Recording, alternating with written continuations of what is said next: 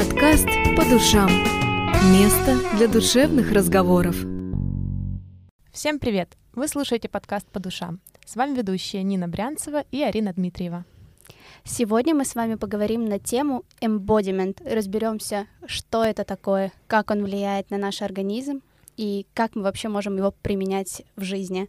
И в гостях у нас embodiment фасилитатора, травма информированный практик Екатерина Попкова. Здравствуйте, Екатерина. Здравствуйте. А, скажу сразу, сегодня мы будем задавать такие вопросы, которые, возможно, могут показаться вам наивными в чем-то, но я уверена, что именно они возникают у тех, кто только начинает знакомиться вот с этой темой, либо первый раз слышит, возможно. Угу. А, но вначале я задам вопрос Арине. Что ты знала? Что ты знала об эмбодименте до того момента, как мы, в принципе, решили записать подкаст? До того момента, как мы начали вообще искать гостей и, ну, думать, на какие темы да. говорить, я вообще не имела представления, что существует такая сфера и что это такое. Но когда мне сказали слово embodiment, я начала как бы у себя в голове представлять, э, mm-hmm. как будто это какая-то выстраивание своего тела. Э, как-то мне показалось, что это немного созвучно со строительством своего тела, выстраиванием его. Э, и потом мы начали уже с Ниной углубляться немного. Я поняла, что это какая-то практика, связанная, ну, в ней очень много всего связанного, и боевые искусства, и йога, и там именно с мышлением надо работать. То есть это такой прям большой комплекс. Mm-hmm. Нина, а что ты до этого знала? Вот давай так. Ну, если честно, я тоже не особо много знала. У меня такая ассоциация была, что это, ну, простыми словами, йога, где не надо напрягаться, грубо говоря, где нет вот этого вот силового какого-то компонента, ты просто вот работаешь с положением тела может быть, вот в бытовом смысле что-то такое. Вот. Ну а сейчас нам, наверное, Катя расскажет, угу. правы мы или нет. Что же это такое, да. как простому человеку понять? Угу. А, ну, вы обе очень близко где-то нащупываете, что это такое. Наверное, я начну с того, что embodiment — это не практика как угу. таковая. То есть это не эм, нельзя сказать, что есть йога, угу. есть э, фитнес, есть, э, не знаю, тайчи, а угу. есть эмбодимент. Э, это не, не так устроено.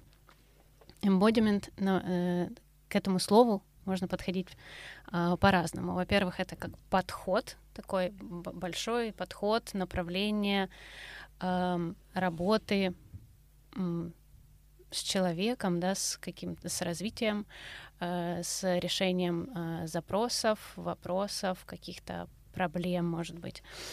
Эм, также можно на это посмотреть как на то, что есть у каждого человека. Ну, то есть у каждого из нас mm-hmm. Есть embodiment. Э, вот мы сейчас втроем сидим в студии, да, и каждый из нас как-то выражает себя телесно. Мы как-то сидим. И у, у каждой это, э, да, ну, э, это что-то неосознанное, мы не делаем ничего специально, скорее всего. Это то, как образов... Э, образовалась, скажем так, наша телесность в течение, mm-hmm. нашей, в течение нашей жизни. Не знаю, мы можем говорить, например, что у каждого человека есть характер. Mm-hmm. Вот у каждого человека есть эмбодимент. Ну, стало понятнее немножко, да? на самом деле. Здорово. ну, вот у меня сейчас такая ассоциация еще одна произошла. Вот когда я была совсем маленькая, там первый, второй класс, я вот делаю уроки, подходит бабушка и говорит, что ты сидишь как буква ЗЮ, давай выпрямляйся, что это так как-то неправильно сидишь, вот я выпрямляюсь, у меня плечи параллельно столу, как mm-hmm. нас учили. Ну, и я как-то себя ощущаю более, может быть, концентрированной mm-hmm. какой-то. Это вот про это в, в том числе. В том числе mm-hmm. про это, да. Но при этом вот прям сразу тоже скажем, что это очень субъективная всегда история. Mm-hmm. То есть нельзя сказать, что всех детей мы сейчас посадим ровно, и это всегда будет про большую mm-hmm. концентрацию. То есть это в том числе может быть про большее э, напряжение, э, которое ведет к ну вот употребим это слово, насилию над собой, mm-hmm. может быть, страху какому-то, да, вот, ну там я могу субъективно как ребенок это переживать как какой-то страх, что mm-hmm. сейчас бабушка подошла, меня наругала, поэтому я все ровно села, сжалась, и на самом деле сейчас моя э, нервная система работает не на концентрацию, она э, работает э, ну, в таком режиме выживания, да, лишь бы меня там не наругали, как, как мне сейчас вот так вот продолжить сидеть и, не дай бог, не согнуться, например. Но это очень близко, да, ну потому что мы в том числе вот как раз-таки то, что ты вначале сказала, да, э, что такая легкая повседневная mm-hmm. йога. Э, э, мы работаем как раз на уровне того, вот как я сижу, как я иду, как я стою, э, как я делаю повседневные действия, и вот это вот как это mm-hmm. про embodiment. То есть мы все идем, мы все сидим, мы все э, там, говорим, мы все берем стаканы, пьем воду, но мы все делаем это немножко или прям сильно по-разному. Э, и э, это отличается у каждого человека, вот это вот как, и это может отличаться у меня, как у отдельно взятого человека, в разные периоды жизни, или в зависимости от настроения, или в зависимости от того, что у меня впереди, там, да, я mm-hmm. Совсем расслаблена на чили, или я сконцентрирована тоже mm-hmm. там напряжена. И вот это вот как я делаю то, что я делаю своим телом, вот это вот и есть embodiment. Ну, то есть можно сказать, что embodiment, embodiment или embodiment? Э, это в зависимости от того, вот к какому английскому ты склоняешься, к англи... ан... великобританскому или mm. американскому. А, окей, просто как uh-huh. правильно лучше сказать. А, можно ли сказать, что embodiment является своеобразным языком нашего тела? Или это все-таки выстроенное что-то? Какие-то определенные правила? Uh...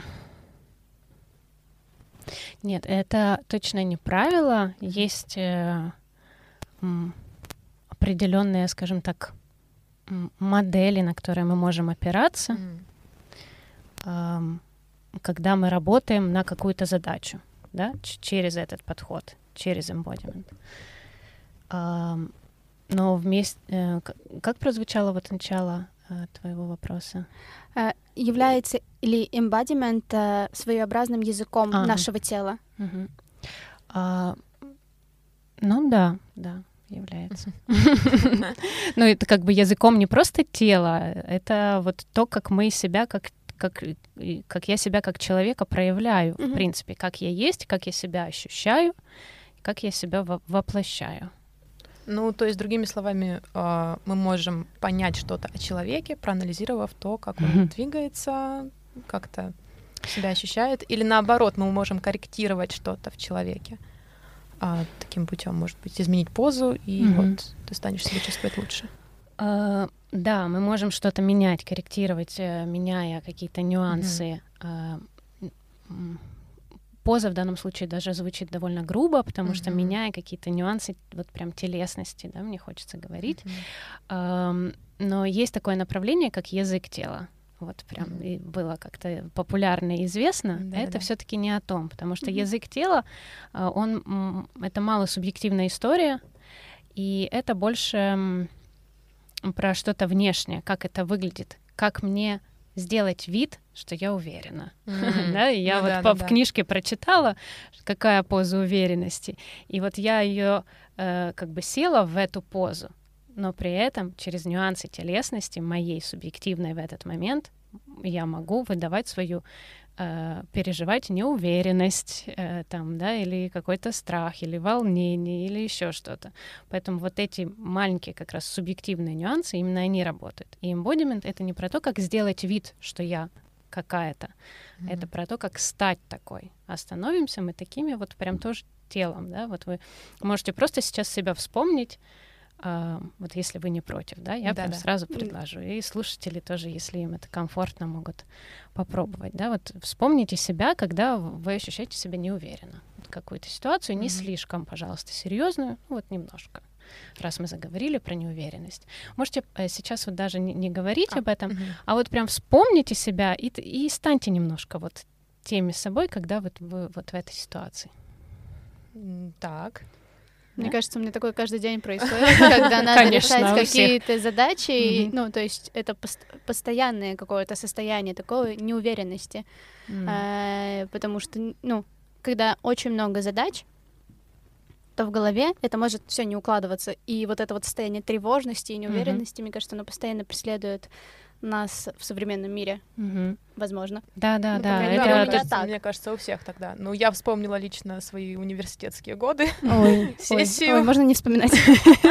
Да, давайте, если что-то слишком серьезное переживание, то мы точно в него не пойдем. Но вот давайте, чтобы нащупать вот это, о чем мы сейчас говорим, то э, вспомните себя, когда вы ощущаете себя уверенно, или что для вас противоположность спокойно, или расслабленно, или не знаю, радостно. Так сложнее, да? Вот я вспомнила радостный момент. Ага. И вот встаньте немножко, вот вы как будто сейчас проживаете это.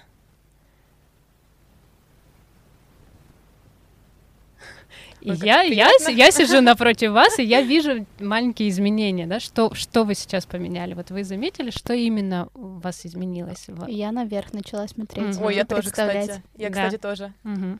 Как будто бы возносим, ну, как бы вспоминаем что-то хорошее, оно там где-то наверху. Ну, кстати, да, голову выше начинаешь держать, мне кажется.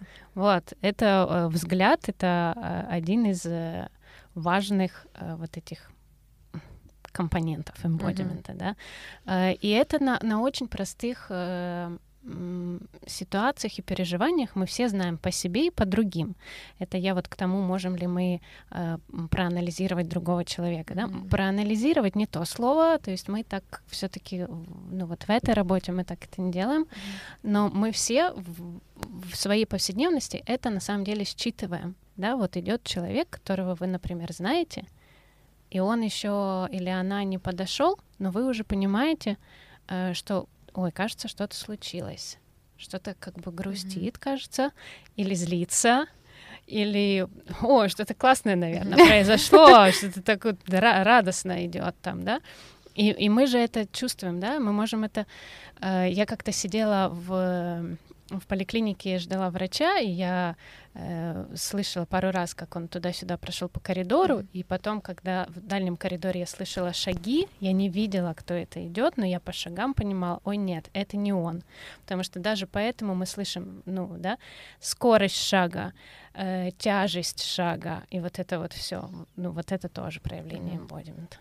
Я когда дома э, у родителей бываю, у меня еще маленький брат есть, и я знаю каждого вот вот это идет брат, вот mm-hmm. это идет мама, а это вот идет папа, mm-hmm. как бы и каждый раз ты ну не видя, кто идет, ты постоянно, ну, ты знаешь да. этого человека. Да, да. Это вот. интересно. Да, и это вот на, на близких мы это знаем, да, потому что мы как-то с ними живем, и мы как раз вот эти их субъективные какие-то проявления уже хорошо выучили, да, ребенок там всегда знает, когда к маме лучше подойти, чтобы получить то, что он хочет, да. Как лучше подойти. Там, ну, извините за вот э, это сравнение, собаки это тоже хорошо чувствуют, да, вот по отношению к своим хозяевам. А, и, и одновременно с этим по отношению к чужим людям мы тоже это можем считывать. Если нам надо обратиться к кому-то за помощью вдруг в незнакомом месте, мы каким-то образом выбираем, какому человеку вот мы прям подойдем за помощью, а какому нет.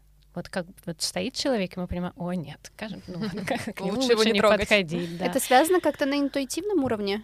Ну, вот э, в этом смысле, через, э, если смотреть через embodiment призму, то интуиция — это вот телесное, вот это вот э, как раз э, ощущение. Ну, то есть мы замечаем какие-то вещи и, возможно, даже не даем себе отчет в этом. Да, да, мы это мало осознаем, поэтому это очень интересно. Это как раз доставать mm-hmm. в зону осознанности и, собственно, как, как и работает будем этот подход, что мы достаем многие вещи в зону mm-hmm. ос- осознанности, смотрим, как это работает, как я делаю что-то, свою, вот давайте к, к этому простому примеру, да, как я делаю свою неуверенность с собой в какой-то ситуации, там, где я на самом деле хочу там бо- более уверенно быть, да, и я могу тогда и на вот этих телесных таких э, маркерах, компонентах своей телесности я могу сделать что-то вместо этого. Mm-hmm. Да, то есть сказать себе, так, Катя, вот тут давай uh-huh. будешь уверенной, может сработать в какой-то ситуации, в какой-то более серьезной может не сработать.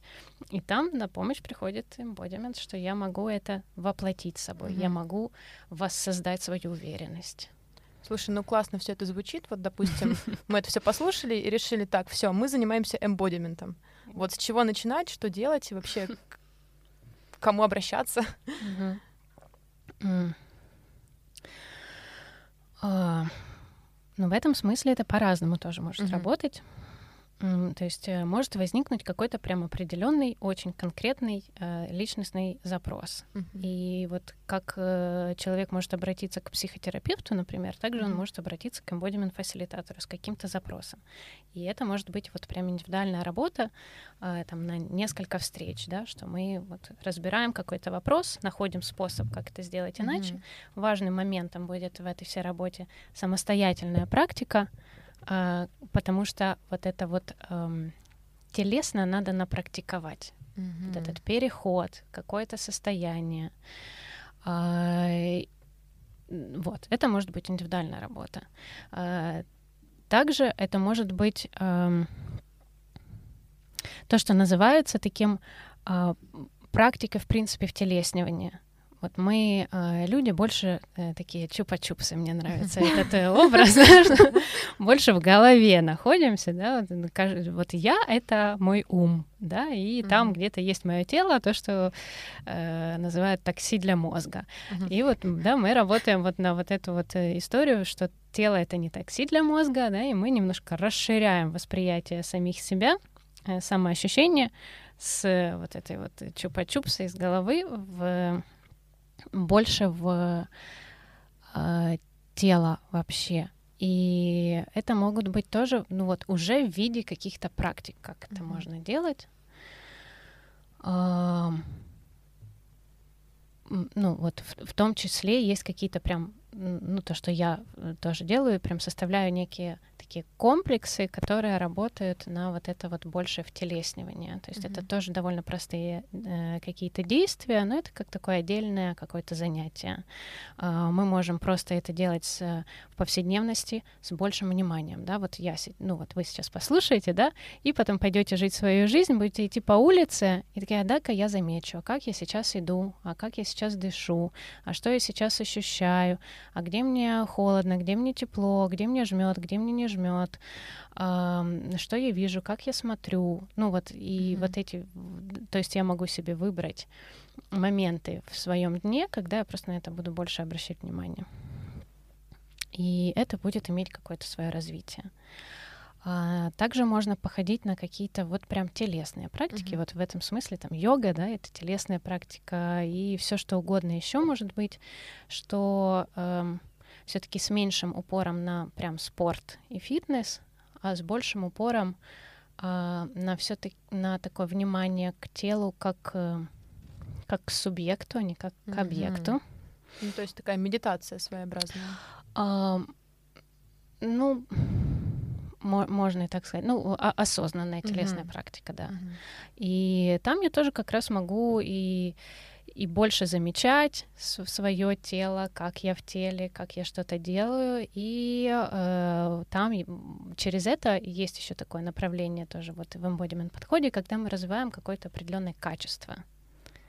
И сейчас тоже можно себе просто пофантазировать, да, вот люди, которые занимаются боевыми искусствами, они какие? Вот прям представьте себе mm-hmm. человека, который 20 лет занимается айкидо. Мне кажется, это очень сдержанные mm-hmm. люди, э, воспитанные. Если мы говорим о восточных именно mm-hmm. видах искусства, mm-hmm. ой, видах борьбы, да. Mm-hmm. То есть они такие прям очень сдержанные, очень правильные, мне почему-то так кажется. Mm-hmm. Ну вот судя по фильмам. Mm-hmm. Э, они живут своей культурой, и у них очень много своих принципов, которых они придерживаются, и от них никуда не отстают. Угу. Но если говорить про бокс, то это совсем уже другие люди. Да, да, вот. Да, это зависит, Ой, на самом деле я сейчас эм, опять вспомнила свое университетское прошлое. Я год занималась айкидо. Вот. И, кстати, да, Арин, ты права. Это все, мне кажется, про айкидо. Я вспоминаю просто сейчас своего тренера. Это все вот прям в точку было, да, mm-hmm. это что-то такое сдержанный человек, такой нацеленный на что-то, а, без каких-то лишних движений, возможно, mm-hmm. что-то такое концентрированное. А, я не знаю, насколько у меня получилось стать такой за год, наверное, нет. Мне кажется, я не относилась к этому как к чему-то такому осознанному. Для меня это была возможность закрыть физкультуру. Поэтому да. Мне кажется, правильное слово будет дисциплинированные. Вот они дисциплинированные именно. По ним, вот ты смотришь и сразу понимаешь, что вот человек максимально дисциплинирован и максимально воспитан. Ну вот почему-то вот такой образ возникает. Вот, да. Давайте теперь возьмем что-то там противоположное, какие-то свободные танцы, не там, ну пусть даже хип-хоп.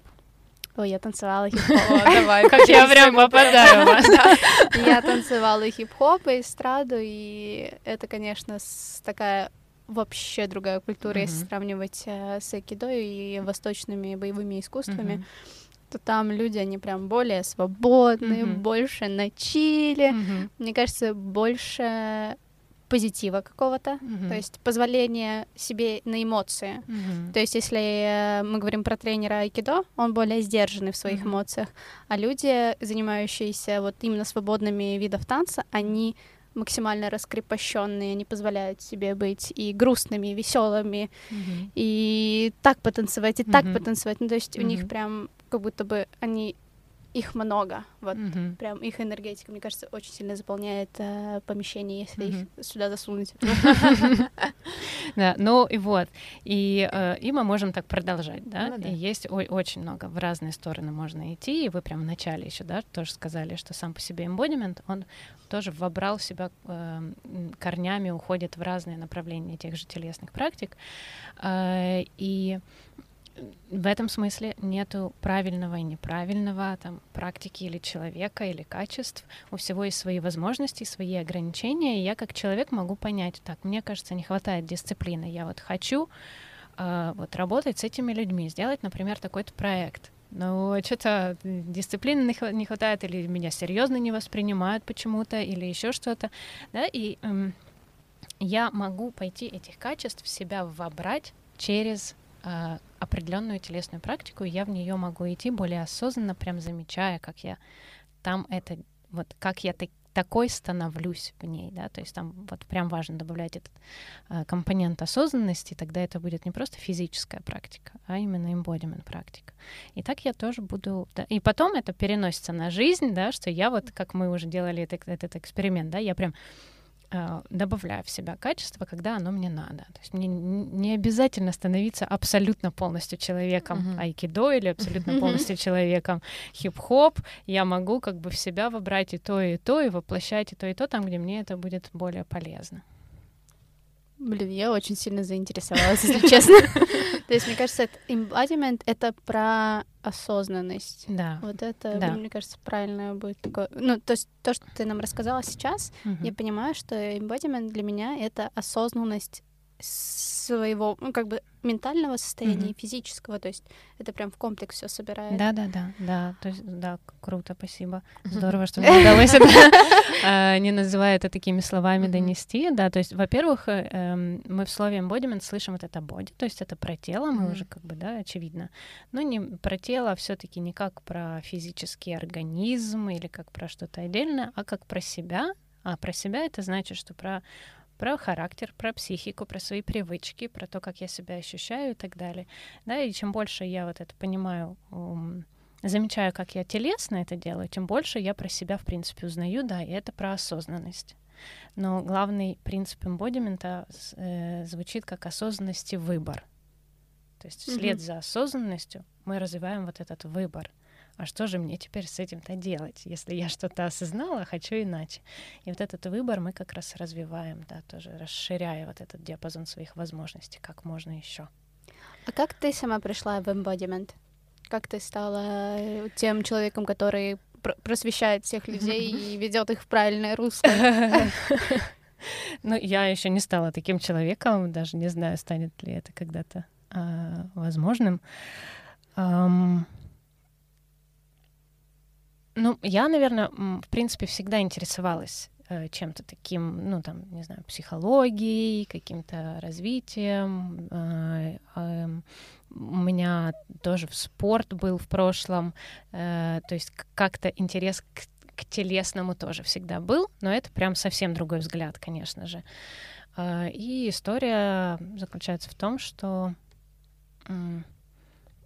как-то так получилось, что когда я родила первого ребенка, э, почему-то там э, шаг за шагом меня привело э, интересом в танцедвигательную терапию. Mm-hmm. И я стала понемножку идти в этом направлении, танцевать, вот как раз как свободные танцы, как то, что помогает раскрыться, понять себя, проявить себя, что-то про себя узнать, но именно с танцем связано, с таким свободным движением.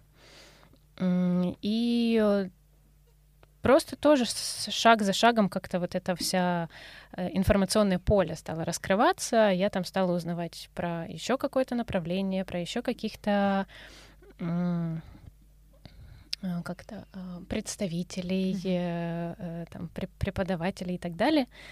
И в какой-то момент э, узнала про embodiment, услышала, прочитала статью, э, стала читать. Что-то очень сильно меня там как-то заинтересовало. Прошла несколько онлайн э, каких-то форматов. Мне это прям супер сильно помогло, вот прям в, прикладном смысле. В том mm-hmm. смысле, что вот прям в жизни, там, где у меня не получалось, ну просто элементарно как-то по-другому поступить, меня вдруг стало получаться. Uh, вот я прям уловила вот эту, да, схему, что, ой, мне надо просто сейчас чуть-чуть по-другому задышать, грубо говоря, и у меня там получится, не знаю, не накричать на ребенка, когда я уже почти это делаю, к примеру, там, или еще что-то. Э, ну, или ответить где-то, где мне, наоборот, сложно ответить какому-то человеку. Ну, вот что-то такое. Ну вот, а потом подошел момент, э, уже второй ребенок у меня появился, и когда подошел момент все-таки менять про профессию, потому что первое образование у меня совсем далекое от этого, то я решила, да, идти в этом направлении, пошла учиться, и вот теперь а, просвещаю, как вы сказали, и помогаю другим. А курсы ты где-то здесь проходила или за границей? Это международная программа, и в данный момент э, есть два ее э, представительства в Великобритании и в Москве. Я летала в Москву. Очень круто. Слушай, ну серьезная какая-то такая подготовка прямо.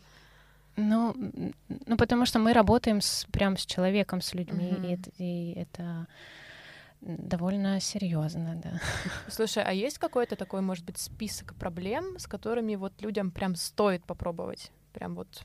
Mm-hmm. Ну, это совершенно точно все, что связано со стрессом. Uh-huh. Это очень хорошо работает на стрессорегуляцию, на эмоциональную э, регуляцию. А, если все вот эти вопросы, где я прям хочу что-то сделать по-другому, прям понимаю, но у меня не получается uh-huh. почему-то. Uh-huh. Все истории связаны с тем, что какие-то ситуации повторяются почему-то. И это может звучать очень по-простому, это может быть что-то очень повседневное, бытовое, а может быть, ну вот прям более серьезное. Ну, то есть работа, в принципе, с, со мной, как, ну вот с тем же неуверенным человеком, почему-то вот этот пример, да, сейчас. А, или работа э, с тем, что я постоянно опаздываю. Это про меня. актуально, да. Очень актуально. Это сто процентов про меня. Я всю жизнь везде всегда опаздываю. Ну вот, вот с такими вопросами тоже можно работать, потому что это то, что мы бы называли какими-то определенными э, паттернами, то есть какими-то автоматическими привычками, которые выражаются в том, что я как, что и как я каждый день делаю, да, в том, как я распределяю время, в каком темпе я, в принципе, нахожусь там и так далее. Э, и вот, да, мы с этим можем работать.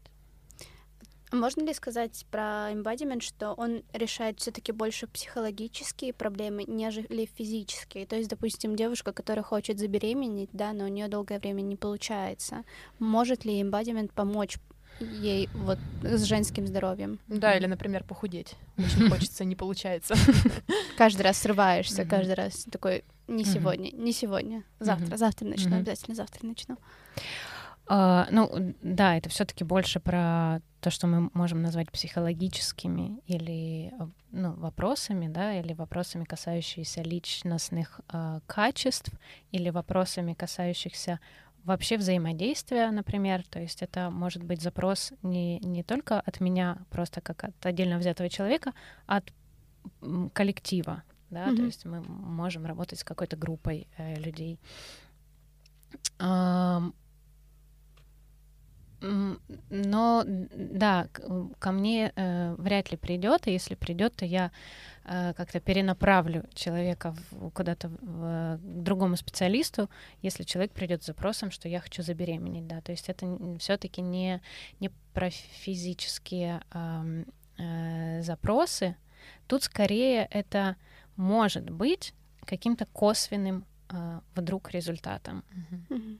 потому что Э, это может быть тоже каким-то результатом, ну, вот, вот этот вопрос там невозможности забеременеть, да, может быть связан с каким-то стрессом или с каким-то uh-huh. моим страхом, который я не осознаю, да, и человек может прийти совсем с другим запросом, но вдруг это тоже как-то решится. Я, может быть, про это что-то пойму. А, ну, я прям точно сразу скажу, да, что прям не надо ко мне идти с таким запросом. Действительно, я не специалист в этом. А что касается, например, похудения, то в принципе, можно с таким запросом прийти, но он все равно будет звучать иначе. То есть мы будем э, работать э, с той же стрессорегуляцией, например, да, э, потому что может оказаться, что э, я там, не знаю, ем как способ э, свой же стресс mm-hmm. регулировать, да, и можно научиться его регулировать иначе. Можно замечать, что происходит, э, ну, там, с э, моих привычках питания. Э, можно больше, в принципе, понять э, про себя, воспринимать себя иначе. Можно вообще передумать худеть, потому что я перестану смотреть на свое тело как на объект, который должен чему-то соответствовать, а пойму, что вот я есть такая, как есть, и мне на самом деле вообще-то хорошо и комфортно, и это все была какая-то не моя идея. Ну, может быть, очень много вариантов.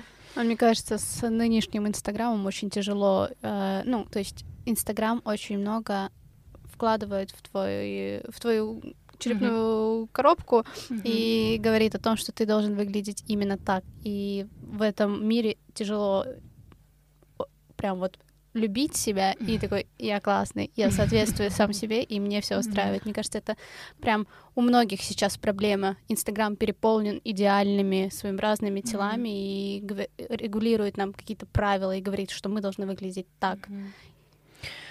Um, ну, если прям говорить про Инстаграм, да, то, например, мой Инстаграм мне это не говорит, потому что я же могу свою ленту, да, чистить. Ну, кстати, да, соглашусь, мой тоже мне такого не говорит, а, слава богу. Ну, я, а нет, я, говорит. да, да, я понимаю, о чем ты, и это точно о том, что это есть. Э, но это не что-то новое, потому что до этого были журналы, телевидение, все что угодно еще. И тело, да, тело как объект всегда использовалось как механизм какого-то влияния. И э, на это давит, но вместе с этим э, нас э, как бы расщепляют самими собой, да, в том смысле, что э, есть я, есть мое тело, с которым мне всегда надо что-то сделать.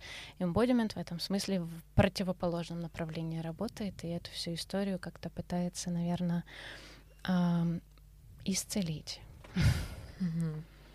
Слушай, давай вернемся тогда к осознанности, к связи uh-huh. с телом. А нет ощущения, что вот эту тему психологического какого-то спокойствия, может быть, осознанности, а, вот на нее больше обращают внимание женщины. Вообще мужчины когда-нибудь обращались к тебе? Да. Да? И как часто вообще к тебе мужчины обращаются? Ну, мужчины меньше, а, чем женщины. А, в принципе, это может быть связано с тем, что, в принципе, я женщина, а, и, но и есть, да, вот эта история, что, наверное, женщины больше открывают всю uh-huh. эту для, для себя этот путь. А, то есть мы тоже можем тут идти в какую-то историю, в какое-то устройство социальное устройство, как, как это работает. Но нельзя сказать, что мужчины не идут, мужчины тоже идут. Возможно, они идут с другими задачами, mm-hmm. возможно, заходят с другой стороны, возможно, идут к другим э, специалистам, ну, в смысле, специализирующимся на, э, на, на других вопросах, но тоже идут. Потому Очень мы, мы приятно все люди. слышать, на самом деле, что мужчины тоже приходят э, к, осознанности, к, к осознанности своему телу, потому что иногда, ну, опять же, э, в советское время э, мужчины, в военное время мужчины mm-hmm. ходили на войну, а мужчины должны были очень много работать. У женщин было время не работать, то есть декретный если был декрет, то все время сидела женщина с ребенком, и у мужчины просто не было времени задуматься о своем психологическом состоянии. Да и у женщин было не так mm-hmm. много, но сейчас мир настолько поменялся, и очень радует, что мужчины понимают, что у них тоже есть право на эмоции, mm-hmm. что у них есть возможность быть более осознанными и и также любить себя и свое тело. Слушай, очень круто ты сказала, что мужчины понимают, что у них есть право на эмоции, потому что очень долгое время, действительно, мне кажется так, что это казалось э, какой-то слабостью со стороны мужчины, что ты проявляешь эмоции, как-то, может быть, обращаешь на них внимание, mm-hmm. вот, что это казалось чем-то не мужским вообще. Mm-hmm. Круто, мне очень понравился наш сегодняшний подкаст. Uh, я получила очень большую информацию и очень сильно заинтересовалась, потому что, мне кажется, сейчас это такая прям большая проблема, когда, когда мы не задумываемся о том, как то или иное событие влияет на нас, mm-hmm. и просто порой закрываем на это глаза, и это все как-то копится, копится, копится, и в итоге происходит взрыв. Mm-hmm. И если заниматься вот такой практикой, как embodiment, а, жизнь, мне кажется, станет намного проще, спокойнее и, и можно... радостнее. Вот, радостнее, да. Ну, мы попробуем. Мы попробуем, мы расскажем, возможно, попозже, что у нас тоже буду рада узнать. Да, спасибо большое, Катя. Действительно было очень интересно. Я думаю, что нашим слушателям тоже. Возможно, кто-то открыл для себя эмбодимент, может, может быть, что-то больше узнал. А, спасибо большое, что пришла. Спасибо. Спасибо. А с вами был подкаст «По душам» — место для душевных разговоров. Слушайте наши подкасты на всех удобных для вас площадках. До новых встреч. До свидания. Подкаст «По душам». Место для душевных разговоров.